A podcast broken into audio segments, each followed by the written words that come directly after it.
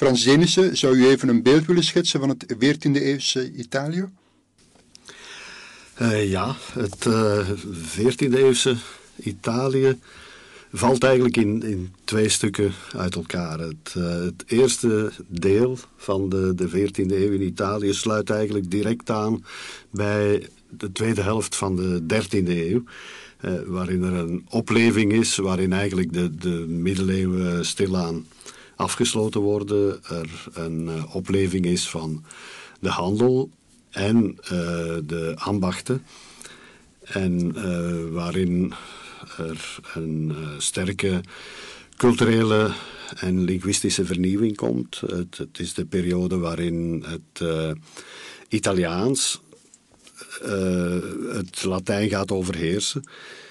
Dat gebeurt in Italië iets later dan in, uh, in andere landen zoals Frankrijk en Spanje. Net omdat ja, het, het Latijn zijn oorsprong vindt in, in Rome dat dus in het Italiaanse schiereiland ligt.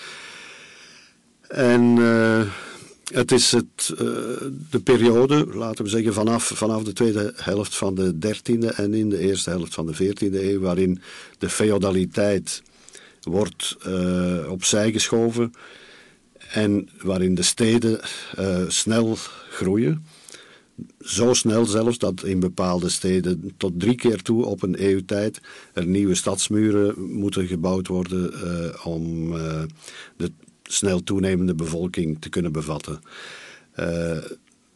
De voornaamste bronnen van, van rijkdom zijn de handel. Dat geldt met name voor de, de zogezegde drie grote zeerepublieken, Venetië, Genua en Pisa.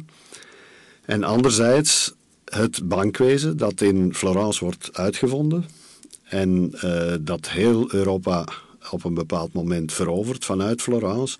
Dus alle Europese vorstenhuizen lenen hun geld bij Florentijnse bankiers. En daarnaast is er zowel in uh, Florence als in de andere steden zoals Prato en Milaan uh, is er een uh, textielindustrie georganiseerd in gilden die ook een groot deel van het omringende Europese grondgebied van textiel, voornamelijk wolproducten, voorziet. Anderzijds heb ik het nu vooral over Noord- en Midden-Italië. Want het zuiden, uh, dat wordt volledig, dat is nog volledig feodaal. En dat wordt bestuurd, dat is een koninkrijk Napels, bestuurd door een Frans koningshuis, of een van oorsprong Frans koningshuis, de Anjous. En anderzijds heb je dan Rome, dat een tijd lang uh, heel machtig geweest was, ook op politiek gebied.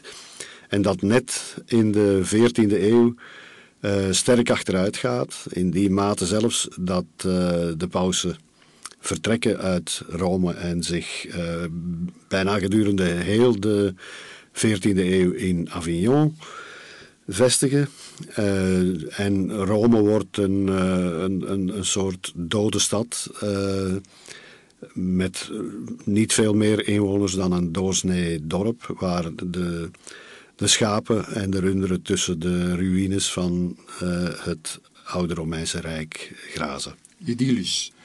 Uh, maar Boccaccio komt uit Florence. Florence ligt in Toscane. Hoe zagen Toscane en Florence er in die tijd uit?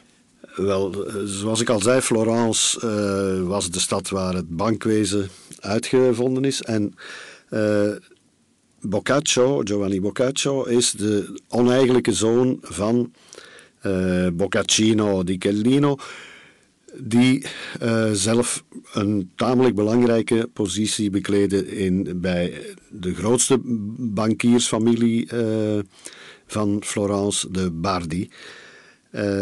dus hij komt uit dat burgerlijk milieu, laten we zeggen. Florence was een republiek die eigenlijk een, ja, eigenlijk door de belangrijkste families bestuurd werd. Door, door een, een oligarchie, laten we zeggen, van de belangrijkste de rijkste ook families, onder meer die Bardi, waarvoor Boccaccio's vader werkt. De medici, dat is pas... Uh... De medici, dat, dan zijn we, zitten we eigenlijk al in de 15e eeuw. of, of, helemaal op het einde van die waren de, in, die, die tijd dan een dokter gewoon. Ja. ja, ja. klopt. Maar zoals ik ook al gezegd heb, de, de 14e eeuw valt eigenlijk in, in twee delen uit elkaar. Uh, met als uh, scharnierpunt de grote pestepidemie van 1348. Daarna komen veel van die steden die, die soms tot 60% van hun bevolking verliezen bij die epidemie, die komen ook uh, economisch in de problemen. En dan ontstaat er een veel onstabielere situatie in de tweede helft van de 14e eeuw. Toch blijft Florence uh, vooral op cultureel gebied uh, aan de leiding staan, laten we zeggen, van, van Italië. En waarschijnlijk kun je zelfs zeggen van het hele toenmalige Europa, samen met, met Vlaanderen. Dat is, dat is uh, merkwaardig dat in diezelfde tijd ook Vlaanderen een grote culturele rol speelt. Uh, maar politiek gezien wordt het veel onrustiger. Er komen volksopstanden, uh, allerlei woelingen, die gelukkig in, in zekere zin geen al te negatieve gevolgen hebben voor de culturele superioriteit van uh, Florence en Toscane in het algemeen. Uh, Toscane dat ook de, de, drie grote, de eerste drie grote schrijvers van Italië voortbrengt. Uh, Dante Alighieri, Petrarca en Boccaccio telkens met een kleine generatie verschil. En met die uh, band met elkaar dat uh, Boccaccio weliswaar Dante niet persoonlijk gekend heeft. Daarvoor was hij te jong op het moment dat Dante stierf. Maar dat, uh, dat hij ten eerste wel contact gehad heeft met de dochter van Dante, Beatrice, die kloosterzuster geworden is. Dat hij anderzijds vriendschap heeft gesloten met Petrarca, die qua leeftijd tussen de twee in zat. En uh, dat het Petrarca is die hem uh, rechtstreeks in contact gebracht heeft met het, het werk van uh, Dante Alighieri. Er is een heel vruchtbare correspondentie ontstaan tussen Boccaccio en Petrarca, waarin Dante heel vaak ter sprake komt. En op het eind van zijn leven, in zijn laatste jaren, is uh, Boccaccio dan uh, de eerste biograaf geworden van uh, Dante. En heeft hij op, verzoek van de, de stad Florence aan de universiteit, studium, die we nu universiteit zouden noemen, heeft hij een aantal lessen gegeven over, of een aantal lezingen en verklaringen van de Divina Commedia, maar door zijn slechte gezondheidstoestand heeft hij die niet kunnen afwerken en is hij ergens omstreeks de, als ik me niet vergis, de twaalfde of dertiende zang uh, moeten stoppen. Hmm. Wat weet men eigenlijk over het leven van Boccaccio? Uh, vrij veel intussen. Uh, zijn geboorte plaats, daarover bestaat nog discussie, is het Certaldo, waar uh, ook zijn vader vandaan kwam.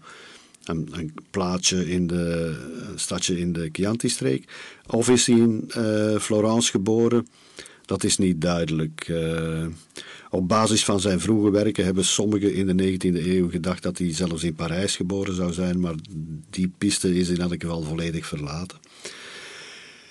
Hij uh, is geboren als oneigenlijk kind, maar later dus uh, toen zijn vader met een andere vrouw dan de, de eigenlijke moeder van uh, Giovanni getrouwd is, is hij door zijn vader erkend. Heeft hij privéonderwijs gekregen, zoals dat in die, die tijd ging, in, over Latijn en retorica en, enzovoorts. De klassieke opleiding op zijn uh, vijftiende is hij naar Napels gestuurd door zijn vader, waar uh, de Bardi, de, de Florentijnse bankiersfamilie, een filiaal had, een belangrijk filiaal, als leerjongen in het bankwezen. Dat heeft hij zes jaar gedaan, tegen zijn zin. En daarna is hij ermee gestopt, waarna zijn vader hem ingeschreven heeft aan de Universiteit van Napels om uh, een of andere uh, godsdienstige opleiding te vormen, kanoniek recht met name. Uh, ook dat heeft hij tegen zijn zin gedaan. En zelf heeft hij later eens geschreven dat hij dus twee keer zes jaar in Napels verloren heeft met dingen die hem niet interesseerden. Het was toen al duidelijk dat literatuur wel zijn belangstelling had. En hij, heeft in Napels ook zijn eerste werken geschreven in de, in de volkstaal. En die zijn nog sterk beïnvloed door die Franse hoofdse cultuur, die in feite nog wortelt in de, in de middeleeuwen. Uh, dan zijn op een bepaald moment de Bardis, in 1338 zijn de Bardis failliet gegaan en is zijn vader ook teruggekeerd naar Florence. Twee jaar later heeft Giovanni Boccaccio, heeft hij Giovanni Boccaccio ook teruggeroepen naar Florence. En daar begint hij dan aan een uh, diplomatieke carrière in dienst van, van de stad, van het stadsbestuur. Waarbij hij dus ook een uh, aantal reizen maakt naar steden in, voornamelijk in het, in het noorden van Italië. Ravenna onder meer, uh, Forlì. Dan komt natuurlijk dat dramatische uh, pestjaar. Vermoedelijk was Giovanni Boccaccio niet in de stad, maar was, verbleef hij in die periode op, in elk geval op het moment dat de pest op zijn hoogtepunt was, verbleef hij in Forlì voor zijn diplomatieke opdrachten. Wel heeft hij zowel zijn vader als zijn stiefmoeder verloren bij de pest, door de pest. En uh, bij zijn terugkeer in, in Florence uh, heeft hij dan de erfenis van zijn vader gekregen en tegelijk de, de opdracht om zijn jongere stiefbroer, om daar de voogdij van op zich te nemen. daarna is hij opnieuw uh, in diplomatieke dienst ge, getreden van het, uh, het, stadsbestuur. Tot hij in 1360 in ongenade valt, omdat een paar van zijn vrienden betrapt zijn op het voorbereiden van een, een vorm van staatsgreep. een tijd lang weten we dan heel weinig over hem. Daarna is hij toch opnieuw in de genade van de eh, stad, eh, van het stadsbestuur gekomen. Uh, al heeft hij geen diplomatieke opdrachten meer gekregen, maar wel uh, voornamelijk culturele opdrachten, onder meer het, het lesgeven over de Divina Commedia. en hij is dan vrij jong, of relatief jong, gestorven op zijn 62ste. Mm. Kunt u iets meer zeggen over de vorm waarin de Decamerone geschreven is? Uh, ja, de Decamerone is een, schoolvoorbeeld, zou ik bijna zeggen, van een uh, raamvertelling. Uh, dus een reeks verhalen gevat binnen één groot verhaal dat als raam dient. Hè.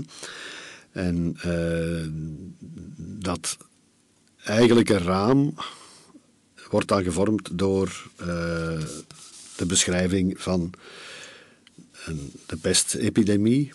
Uh, zoals ik al zei, het is niet zeker dat, dat uh, Boccaccio die zelf aan de lijve heeft meegemaakt. In elk geval zal hij bij zijn terugkeer in, in Florence voldoende verhalen daarover gekregen hebben. En, en hij is dus ook geconfronteerd met verliezen, niet alleen in zijn familie, maar ook in zijn uh, vriendenkring. En het, het verhaal gaat verder als volgt. Uh, om die verschrikkelijke toestand te ontvluchten, besluiten uh, tien jongelui die elkaar in een kerk ontmoeten, besluiten om de stad uit te trekken en op een buitenverblijf van een van hen te wachten tot het ergste voorbij is. En om zich niet te pletter te vervelen daar, besluiten ze om uh, verhaal, elkaar verhalen te vertellen. En uh, dat gebeurt gedurende tien dagen, niet tien uh, aaneensluitende dagen, want de vrijdag bijvoorbeeld wordt er om godsdienstige redenen wordt er, worden er geen verhalen verteld. Het is vrijdags, niet zondags. Nee, op vrijdag. Oké. Ja. Vaste dag. Uh, op verhaalgebied ja, ook. Ja, natuurlijk. En elke dag hadden die tien verhalen een bepaald thema. Ja, in acht van de tien, op acht van de tien dagen. Uh, de eerste dag is een, met vrije thema's en de negende ook. Uh, de acht andere dagen die hebben een thema, een, een vrij algemeen thema waarin allerlei soorten verhalen toch hun plaats kunnen vinden, zoals bijvoorbeeld over mannen die hun vrouw bedriegen, of over vrouwen die hun man bedriegen, of over mensen die zich uit een hachelijke situatie weten te redden door een, een kwinkslag of door een, goed gevonden woord en, enzovoort. Uh, dus de avond tevoren wordt afgesproken, morgen zullen we Elke, elke dag krijgt een koning of koningin die eh, een beetje de, de zaak mag leiden en die de avond tevoren al een thema voorstelt. Uh, en de, de dagen worden afgesloten met, een, uh, met het zingen van een ballade en het dansen. En, uh, en verder gaan ze zeer kuis elk naar zijn eigen slaapkamer. Mm. Dus er mag wel heel veel uh, pikants verteld worden. Maar uh, ze leven in uh, de grootste soberheid op alle gebieden. En zeker ook dus op erotisch gebied. Ondertussen heeft Boccaccio toch wel honderd verhalen uit zijn mouw geschud. Dat is niet niets. gelukkig mocht je in die tijd nog Leentjebuurt spelen. Waar haalde hij eigenlijk zijn inspiratie doorgaans vandaan? Hij heeft uh, zijn, de, de, de, stof van zijn verhalen zowat overal vandaan gehaald. Uh, voor een stuk uit de klassieke oudheid. Voor een stuk uit de literatuur voor hem. Uh, er zijn een aantal verhalen bijvoorbeeld terug te voeren op de Franse. De, de, de, de Franse rijmende verhaaltraditie uit de middeleeuwen. En er zijn er ongetwijfeld ook die hij zelf verzonnen heeft. En anderzijds, uh, of die gebaseerd zijn op uh, anekdotes die in, uh, in, in Florence verteld werden. Dus ze, ze spelen zich af op, nou, in, in de hele toen bekende wereld. En dat is ook, ook typisch. en ze zijn in feite heel eh, realistisch wat de, de, de setting, de details betreft. Uh, zijn beoogde publiek was het publiek van de, de handelsburgerij van Florence. Uh, en om, een, om een voorbeeld te geven van een detailrealisme. er wordt nogal wat gereisd in, in de verschillende verhalen. En specialisten ter zake hebben, hebben nagegaan die reistijden die uh, Boccaccio aangeeft in dagen of weken en, enzovoort, uh, kloppen die met wat in die tijd de uh, gewone reistijden waren met de, de, vervoermiddelen die er toen bestonden. En dat blijkt precies te kloppen. Dus hij hij wist heel goed voor welk publiek die schreef en dat hij op dat punt niks uit zijn duim uh, mocht zuigen. Dus het, het, zijn wel degelijk realistische verhalen. Hij heeft niet alleen geschreven voor ons in de 21ste eeuw, maar ook voor zijn tijdgenoten. Hij moest, in de eh, eerste plaats voor zijn tijdgenoten. Zelf schrijft hij in, de, in zijn inleiding dat hij het schrijft voor de vrouwen, de vrouwelijke lezers. Want, zegt hij, ja, mannen die, die amuseren zich wel met op jacht gaan en dobbelen en weet ik veel, terwijl de vrouwen altijd binnenshuis zijn, zoals dat inderdaad in die tijd was. Dat ze niet onbegeleid uh, buitenshuis mochten komen. En dus die hebben, hebben tijd om mijn verhalen te lezen. En bovendien zal, zullen die verhalen hun verveling, uh, die, die ongetwijfeld zal toeslaan, uh, wel doorbreken. Uh, dus het kan zijn, volgens sommige commentatoren, is dat een, een typische laat-middeleeuwse topos die opdracht aan de vrouwen. Volgens anderen kun je effectief ook daarin weer een, uh, laten we zeggen, een, zoektocht naar een, een, uh, een publiek, een, wel degelijk een bestaand reëel publiek terugvinden. Het is in elk geval wel zo dat het een vrouwenvriendelijk boek is, maar daar kunnen we het straks misschien nog over hebben. Ja. Ehm, op zijn beurt heeft Shakespeare Boccaccio gebruikt als inspiratiebron. Wat kan men zeggen over de impact die de Decamerone gehad heeft op de westerse literatuur? Uh, die is heel groot geweest. Hè. Shakespeare is, is lang niet de, de enige. Uh, alleen al het feit van, uh, dat, het, dat de Decamerone de, eerste echte raamvertelling is in de West-Europese literatuur, heeft ja, tientallen andere raamvertellingen geïnspireerd. Chaucer bijvoorbeeld, de, de pelgrimstocht naar Canterbury. Uh, ja, dat is een raamvertelling met, met heel wat verhalen die rechtstreeks uit de Decamerone komen. Uh, Marguerite de Navarre, de Franse koningin, heeft een Heptamerone geschreven. ook een raamvertelling die nooit afgeraakt is door haar, wegens haar overlijden, maar waarin ze helemaal het schema van uh, Boccaccio overneemt. Uh, en Shakespeare heeft een, een, aantal, heeft sommige thema's of, van zijn toneelstukken uit de Decamerone gehaald, zoals ook bij ons een Herman Terlink uh, bijvoorbeeld heeft het, het, laatste verhaal van de Decamerone Griseldis tot een novelle verwerkt. maar als je in de wereldliteratuur kijkt, zijn er honderden boeken en verhalen door Boccaccio geïnspireerd. Dus het is een soort ja, doorgeefluik ook. Hè. Hij heeft zelf uh, van bestaand materiaal gebruik gemaakt. En daarna hebben heel veel schrijvers na hem van zijn materiaal weer gebruik gemaakt. Uh, ook Petrarca heeft van het laatste verhaal van de Decamerone... een uh, Latijnse vertaling gemaakt, En dat leidt tot een heel ironische situatie. die vertaling eh, dat is het braafste verhaal in zekere zin. Dat, uh, het eindigt ook niet toevallig. Hè. Het honderdste verhaal is, is dat van de absolute goedheid, zoals het eerste verhaal dat van de absolute slechtheid is. En, iemand die, die zo slecht is dat hij zelfs na zijn dood de zaak nog blijft bedonderen. En uh, het, laatste is dus uh, de, de, het verhaal van de, de leidzame, geduldzame Griselda.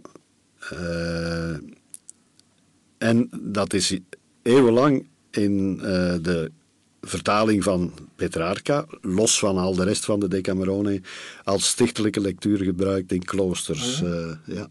En de eerste Nederlandse vertalingen, nog, uh, nog voor de, de boekdrukkunst zelf, die zijn gebaseerd dus op die uh, Latijnse vertaling van Petrarca en die zijn teruggevonden. Die zijn telkens door kloosterzusters gemaakt en gebruikt als stichtelijke lectuur.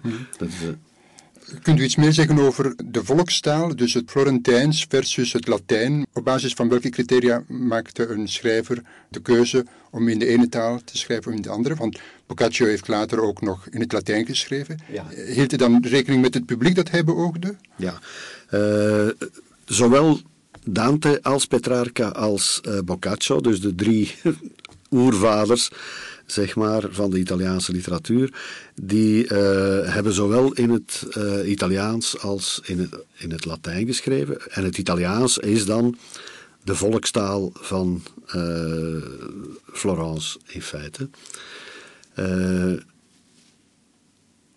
en je kunt, je kunt eigenlijk zeggen dat ze voor hun literaire, poëtische of prozawerk het Italiaans gebruiken en voor hun wetenschappelijke, tussen aanhalingstekens, of beschouwende werk of encyclopedische werk het, uh, het Latijn. Uh, Petrarca zelf die, die noemde zijn, zijn gedichten, waardoor hij uiteindelijk tot de meesters van de, de wereldliteratuur is gaan behoren. Maar zijn Italiaanse gedichten beschouwde hij als kleinigheden, zo tussendoortjes. Uh, hij vond zijn Latijnse werk veel belangrijker, terwijl hij nu toch nog voornamelijk gelezen wordt vanwege zijn uh, sonnetten. In het Italiaans, ook Dante heeft een, een aantal beschouwende filosofische werken of beschouwende werken over taal. Uh, in het Latijn geschreven. En dan zijn, zijn gedichten La Vita Nova en zijn canzoniere en vooral zijn Divina Commedia in, het, uh, in de volkstaal. En Boccaccio heeft, heeft dat, dat is makkelijk te bewijzen, uh, heeft heel veel talige elementen van uh, Dante overgenomen. Je, je, herkent soms halve verzen uit de Divina Commedia in het proza van Boccaccio. en toen dan eeuwen later, in, de, in de 19e eeuw, Italië voor het eerst sinds de val van het Romeinse Rijk weer één natie werd, toen bleek dat er een uh, nationale taal gevonden of uitgevonden moest worden. Uh, want in Napels werd in het Napolitaans uh, recht gesproken en, en in Venetië in het Venetiaans en in, in Rome in het Romeins. En toen heeft de culturele elite van Italië eigenlijk, en Manzoni is daar belangrijk in geweest, de, de romanschrijver van De Verloofden, die heeft gezegd, ja, we moeten terug naar de bron. En de bron, dat zijn onze drie grote klassieken. Dante, Petrarca, Boccaccio, nogmaals dat trio. Dat wordt de basis van, van de Italiaanse standaardtaal. En dat maakt ook dat het geschreven Italiaans van nu, van nu niet zo verschrikkelijk veel uh, verschilt van het uh, geschreven Italiaans van Dante en, en Petrarca en, en Boccaccio. als, als wij een Nederlandse tekst uit de 14e eeuw moeten lezen, dan kunnen we dat niet. Ja. Zelfs later, 17e eeuw is nog onbegrijpbaar. Ja, ja wel een, een.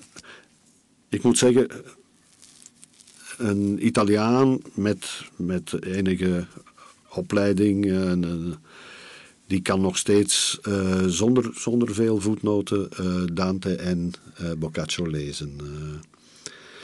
Dus wij, wij hebben wel een, een veel snellere evolutie van onze taal gehad. En dat heeft met die historische omstandigheden te maken, denk ik. dat dus het Italiaans lang alleen een schrijftaal geweest is terwijl de gesproken taal van de Italianen, naar gelang van de streek waar ze woonden, daar sterk van afweek, uh, hebben de dichters en, en de, de schrijvers zich altijd gebaseerd, die zijn zich blijven baseren op het Italiaans, het Florentijns dus, van die drie grote klassieken. Eh. U was al vertrouwd met het vertalen uit het uh, hedendaagse Italiaans, Gadda. U zegt dat het erg weinig verschillend was, het 14e eeuwse ja, dat is, is, toevallig geen voorbeeld van hedendaags uh, Italiaans. Hè. Dat is een, uh, zoals Joyce geen voorbeeld is van het hedendaagse Engels. Uh, Gadda is iemand van, van een... ja, die, die met alle registers, ook, ook dus archaïsche en, en ook regionale en, enzovoorts, experimenteert. Dus Gada is eigenlijk een, een slecht voorbeeld, laten we zeggen. Heeft u nog andere hedendaagse? Ja, ik heb, ik heb een aantal hedendaagse schrijvers, zoals uh, Leonardo Sciascia, uh, vertaald. Uh, of Raffaele Nigro. dus, dus de stap met Boccaccio naar Boccaccio toe was niet zo groot? Maar uh, ja, er toch moeilijkheden waren. Ja, Welke moeilijkheden? De, de, de, grootste moeilijkheid is dat de syntaxis van Boccaccio nog sterk aanleunt bij het Latijn. Dus met heel lange perioden,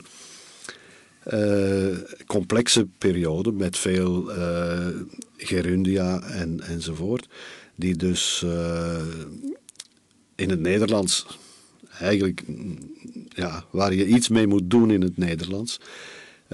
In mijn eerste versie uit eind jaren 70 of begin jaren 80 van de vorige eeuw, daar had ik nog een poging gedaan om zoveel mogelijk van, dat, van die Latijnse syntaxis toch naar het Nederlands over te brengen. Dus met veel deelwoordconstructies enzovoort. ja, en dit, dit zeggende en naar de deur toe lopende uh, en, enzovoort. Uh, dat heb ik in mijn, mijn versie van 20 jaar later grotendeels uh, laten vallen. En om naar een, een veel eenvoudiger Nederlands over te stappen. Want het is een klassiek werk, maar vertelplezier moet primeren. Precies. En vandaar dat ik, dat ik een, een aantal keuzes gemaakt heb naar de hedendaagse lezer toe. Uh, ik, ik heb bijvoorbeeld. Ik, ik ben de overtuiging toegedaan dat een mop die uitleg nodig heeft, ja, die verliest zichzelf als mop. Die, dat is geen, geen mop meer. Heel wat verhalen van, van Boccaccio zijn humoristisch, zijn gebaseerd op woordspelingen enzovoort. Uh, als ik die in voetnoot allemaal moet uitleggen, is het leesplezier voor de Nederlandse hedendaagse lezer uh, helemaal weg. Dus uh, Boccaccio, als hij bijvoorbeeld uh, het over erotische situaties heeft, gebruikt nooit één onvertogen woord, nooit één schuttingwoord. alles wordt uitgelegd via, uitgelegd, beschreven via metaforen. Vaak heel leuke, treffende metaforen. Maar soms zijn die ook gebaseerd op uitdrukkingen of toestanden die wel begrijpelijk waren voor de Florentijnse lezer van de, de 14e eeuw, maar niet meer voor uh, de hedendaagse lezer. Ook niet voor de hedendaagse Italiaanse lezer. Die dus door de exegeten, door de, de, de specialisten uh, van uh, Boccaccio in voetnoot worden uitgelegd. Kijk, dit. in in zo'n geval heb ik geprobeerd om in het Nederlands een in de stijl van, van Boccaccio een andere metafoor te gebruiken die onmiddellijk begrijpelijk is voor de, de hedendaagse lezer. Ik heb uh, een paar voorbeelden bijeengesprokkeld van dat soort uh, vondsten van u. Allemaal variaties op het thema steekspel. Rollenbollen, samen langdurig het liefdesfeest vieren. Zal ik u een moestuintje eens bewerken zoals het nog nooit bewerkt is? Haar bed, waar ze tot wederzijds genoegen de hervonden vrede bezegelden. Onder ons gezegd en gezwegen, ik bezit een paar prachtige kostbare juwelen die ik voor u en voor u alleen bestemd heb? In deze positie werd de aanblik van haar charmes hem te machtig en kwam de opstanding des vleeses. Ze leek broeder Alberto een vruchtbare akker voor zijn ploegschaar. Lisetta zwol zo op van trots dat haar hem niet eens meer tot haar billen reikte en popelend van ongeduld wachtte ze de engel Gabriel op. Hij wist met zijn trooster der bedrukten balsem in de wonden te gieten. Sint Erectus in de grot, een heilige die bij de vrouwen van die streek in zeer hoog aanzien staat. Zij had nooit geweten met welke sleutel mannen plegen binnen te komen. Rijdend zonder zadel hadden de twee jonge minnaars nog twee mijl gevoegd bij de zes die ze voorbije nacht hadden afgelegd. En daar lieten ze het voor de eerste dag bij. Ten einde haar oude schimmel te sparen, besloot ze op straat een jonge hengst te zoeken, waarmee ze eens flink uit rijden kon gaan. Hij wil me wijsmaken dat de heer Knots met veel wapengekletter en bloedvergieten haar zwarte woud binnendrong, en ik zweer dat dat niet waar is, en dat hij het vreedzaam betrad, tot groot genoegen van de boswachters. Hij pakte haar heel anders aan dan haar echtgenoot en streek die nacht verscheidene keren neer, waarbij hij telkens een zachte landing maakte. En zo zou ik nog een tijdje kunnen doorgaan. Eigenlijk verdenk ik u ervan om in uw vertaling het origineel te hebben willen overtreffen. Uh, nee, dat klopt toch niet. Uh, zoals ik gezegd heb, uh, de meeste van die, ik, ik heb ze niet allemaal meer naast het Italiaans gelegd, maar de meeste van die metaforen zijn letterlijke vertalingen van wat Boccaccio schrijft.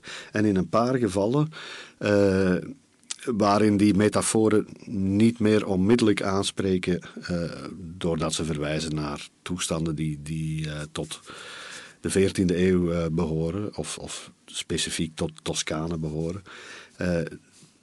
Daar heb ik dus een eigen metafoor gesmeed, maar zoveel mogelijk, of toch zo dicht mogelijk bij die van Boccaccio gebleven. Dus die Sint Erectus bijvoorbeeld, ja, daar, daar staat een andere denkbeeldige heilige. Die voor de Italiaanse lezers van zijn tijd ook onmiddellijk in die zin herkenbaar zal zijn. En die, uh, ja, waar ik dus een, een, een, vergelijkbaar procedé toepas, laten we zeggen. U stuit op een moeilijkheid, u laat het open en u gaat slapen en midden in de nacht, uh, Eureka? Uh, ja, dat komt voor. Maar het, er zijn ook verhalen die, die echt bulken van de, dat soort woordspelingen. Hè. denk aan de preek van broeder Ajuin. Uh, ja, dat is, dat is, elke zin bevat van die woordspelingen en woordgrappen. En dat zijn tegelijk de moeilijkste en de plezierigste passages om te vertalen. De, de moeilijkste omdat je verplicht bent om een oplossing te zoeken in het Nederlands die even goed werkt.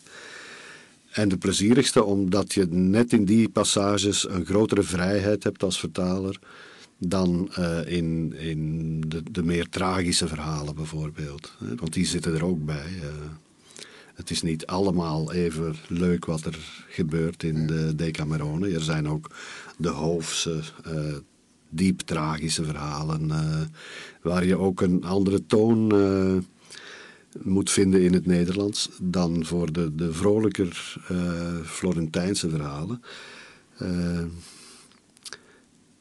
Dat alles geeft, geeft ook aan dat, dat Boccaccio eigenlijk iemand is die, die met één voet nog in de middeleeuwen staat en met één voet in ja, de proto-renaissance zou je bijna kunnen zeggen. wat ze in het Italiaans umanesimo noemen. Uh, de periode tussen de, de middeleeuwen en de, en de renaissance.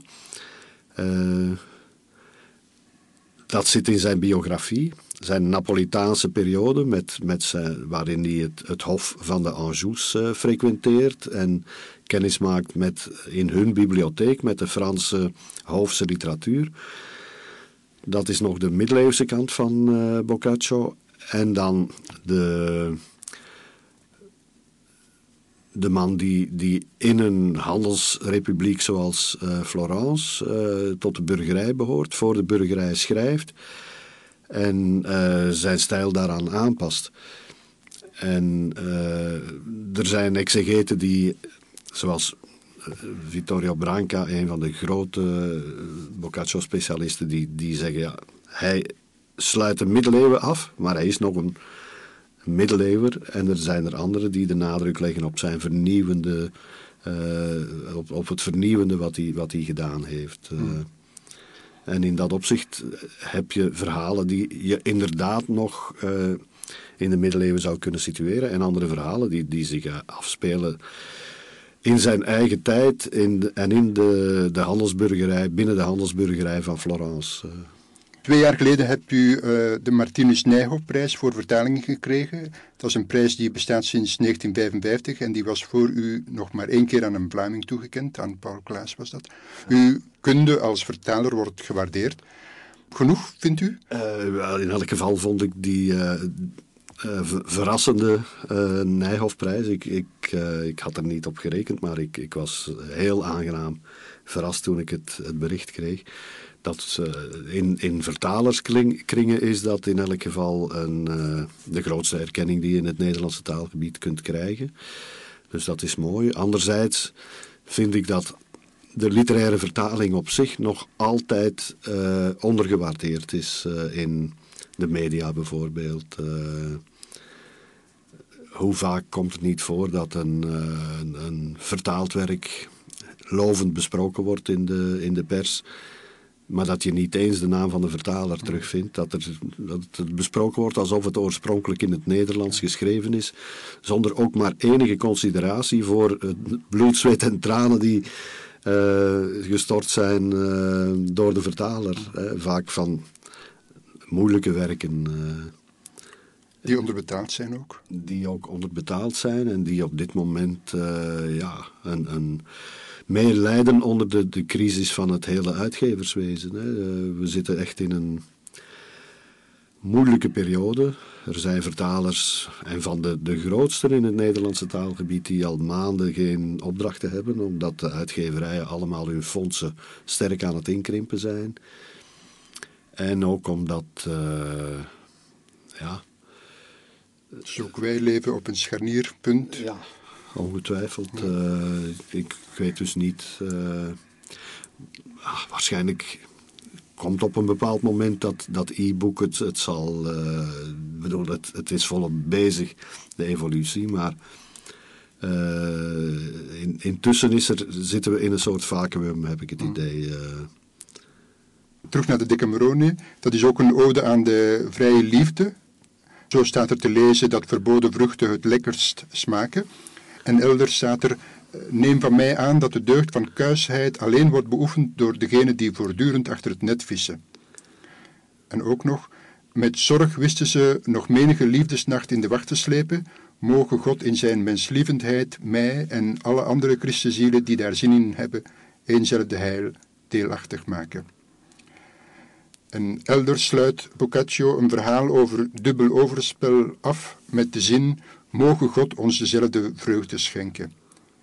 Is de vrije seksuele moraal van Boccaccio kenschetsend voor die van zijn tijdgenoten? Wel, het, staat in elk geval vast dat, het, uh, dat er geen taboe op rustte in die tijd. Uh, en dat, dat wordt onder meer bewezen door het, het feit dat, uh, we zitten dus nog lang voor de, de boekdrukkunst, dat er erg veel handgeschreven kopieën gemaakt zijn van de Decamerone, uh, waarvan in een aantal gevallen bewezen kan worden dat ze in uh, kloosterbibliotheken overgeschreven zijn, dat ze dus daar gemaakt zijn. Uh, en ook voor kloosterbibliotheken. Dus het is duidelijk dat.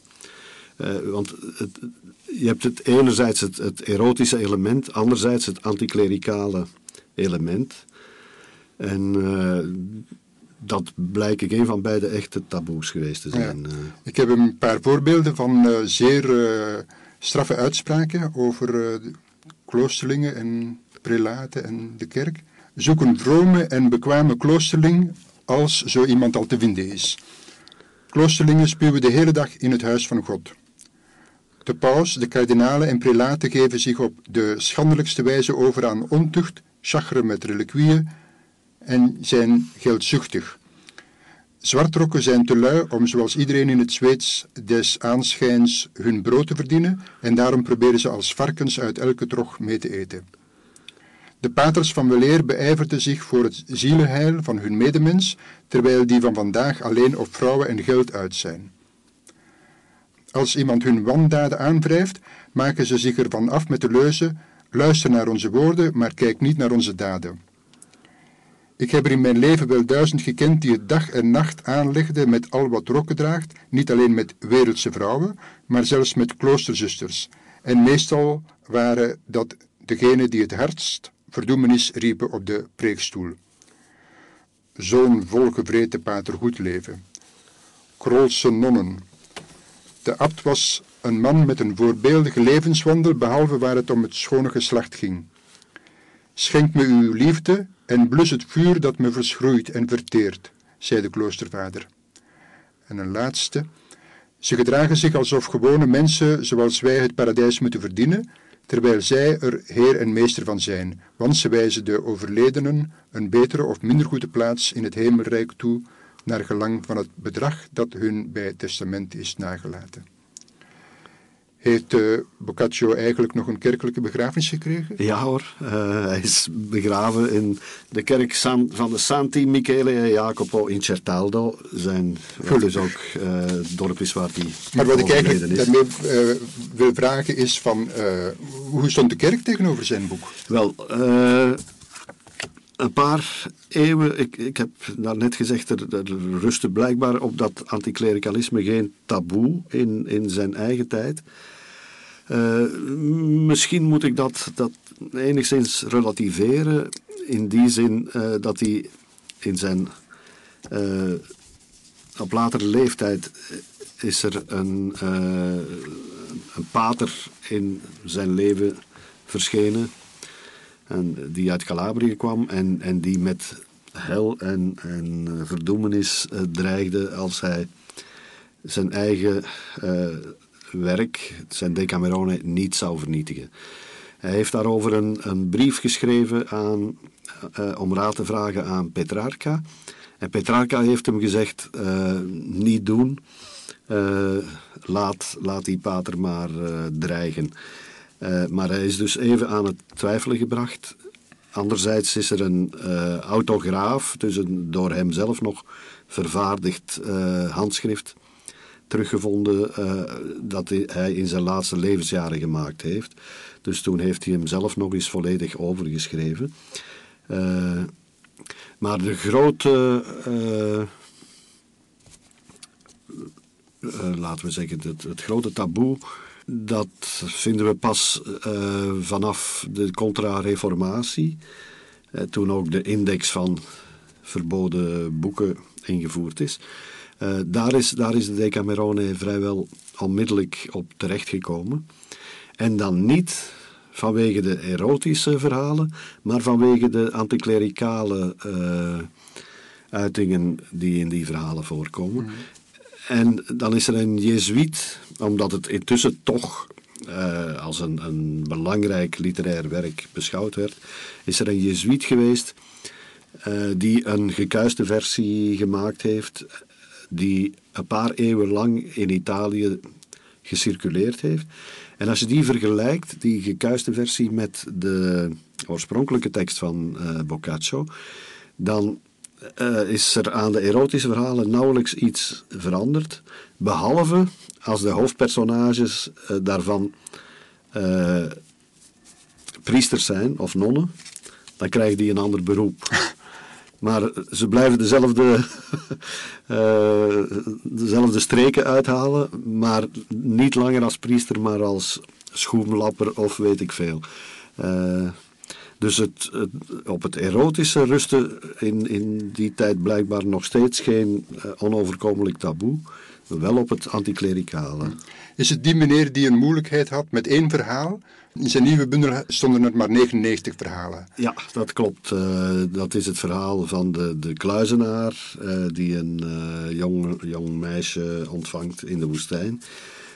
daar was blijkbaar geen mogelijkheid om die man een ander beroep aan te smeren. En dan heeft hij in, het, in de inleiding tot, het, tot de vierde dag staat er eigenlijk een mini-verhaaltje. En uh, de, de bewerker, uh, de Jezuïet, die heeft dat mini-verhaaltje in de plaats gezet van uh, het, het sterk erotische verhaal over de kluizenaar. Wat is eigenlijk uw favoriet verhaal? Mijne is, is ik, ik heb, er zijn er veel en ik heb er diep over moeten nadenken, maar dat van mij is eigenlijk dat van Madonna Filippa. En dat is het zevende verhaal van, het zesde, van de zesde dag. Uh, over een, een, vrouw die in de rechtbank, die, die na overspel dreigt op de brandstapel te belanden en die in de rechtbank zo haar mannetje staat dat ze wordt vrijgesproken en dat de wet wordt veranderd. Uh, een heel vrij kort, maar een, een heel mooi, sterk verhaal, vind ik. Daar gaan we zo meteen naar luisteren, maar nu eerst om in de juiste sfeer te komen, een saltarello, een uh, vrolijke springdans is dat uit de tijd van Boccaccio.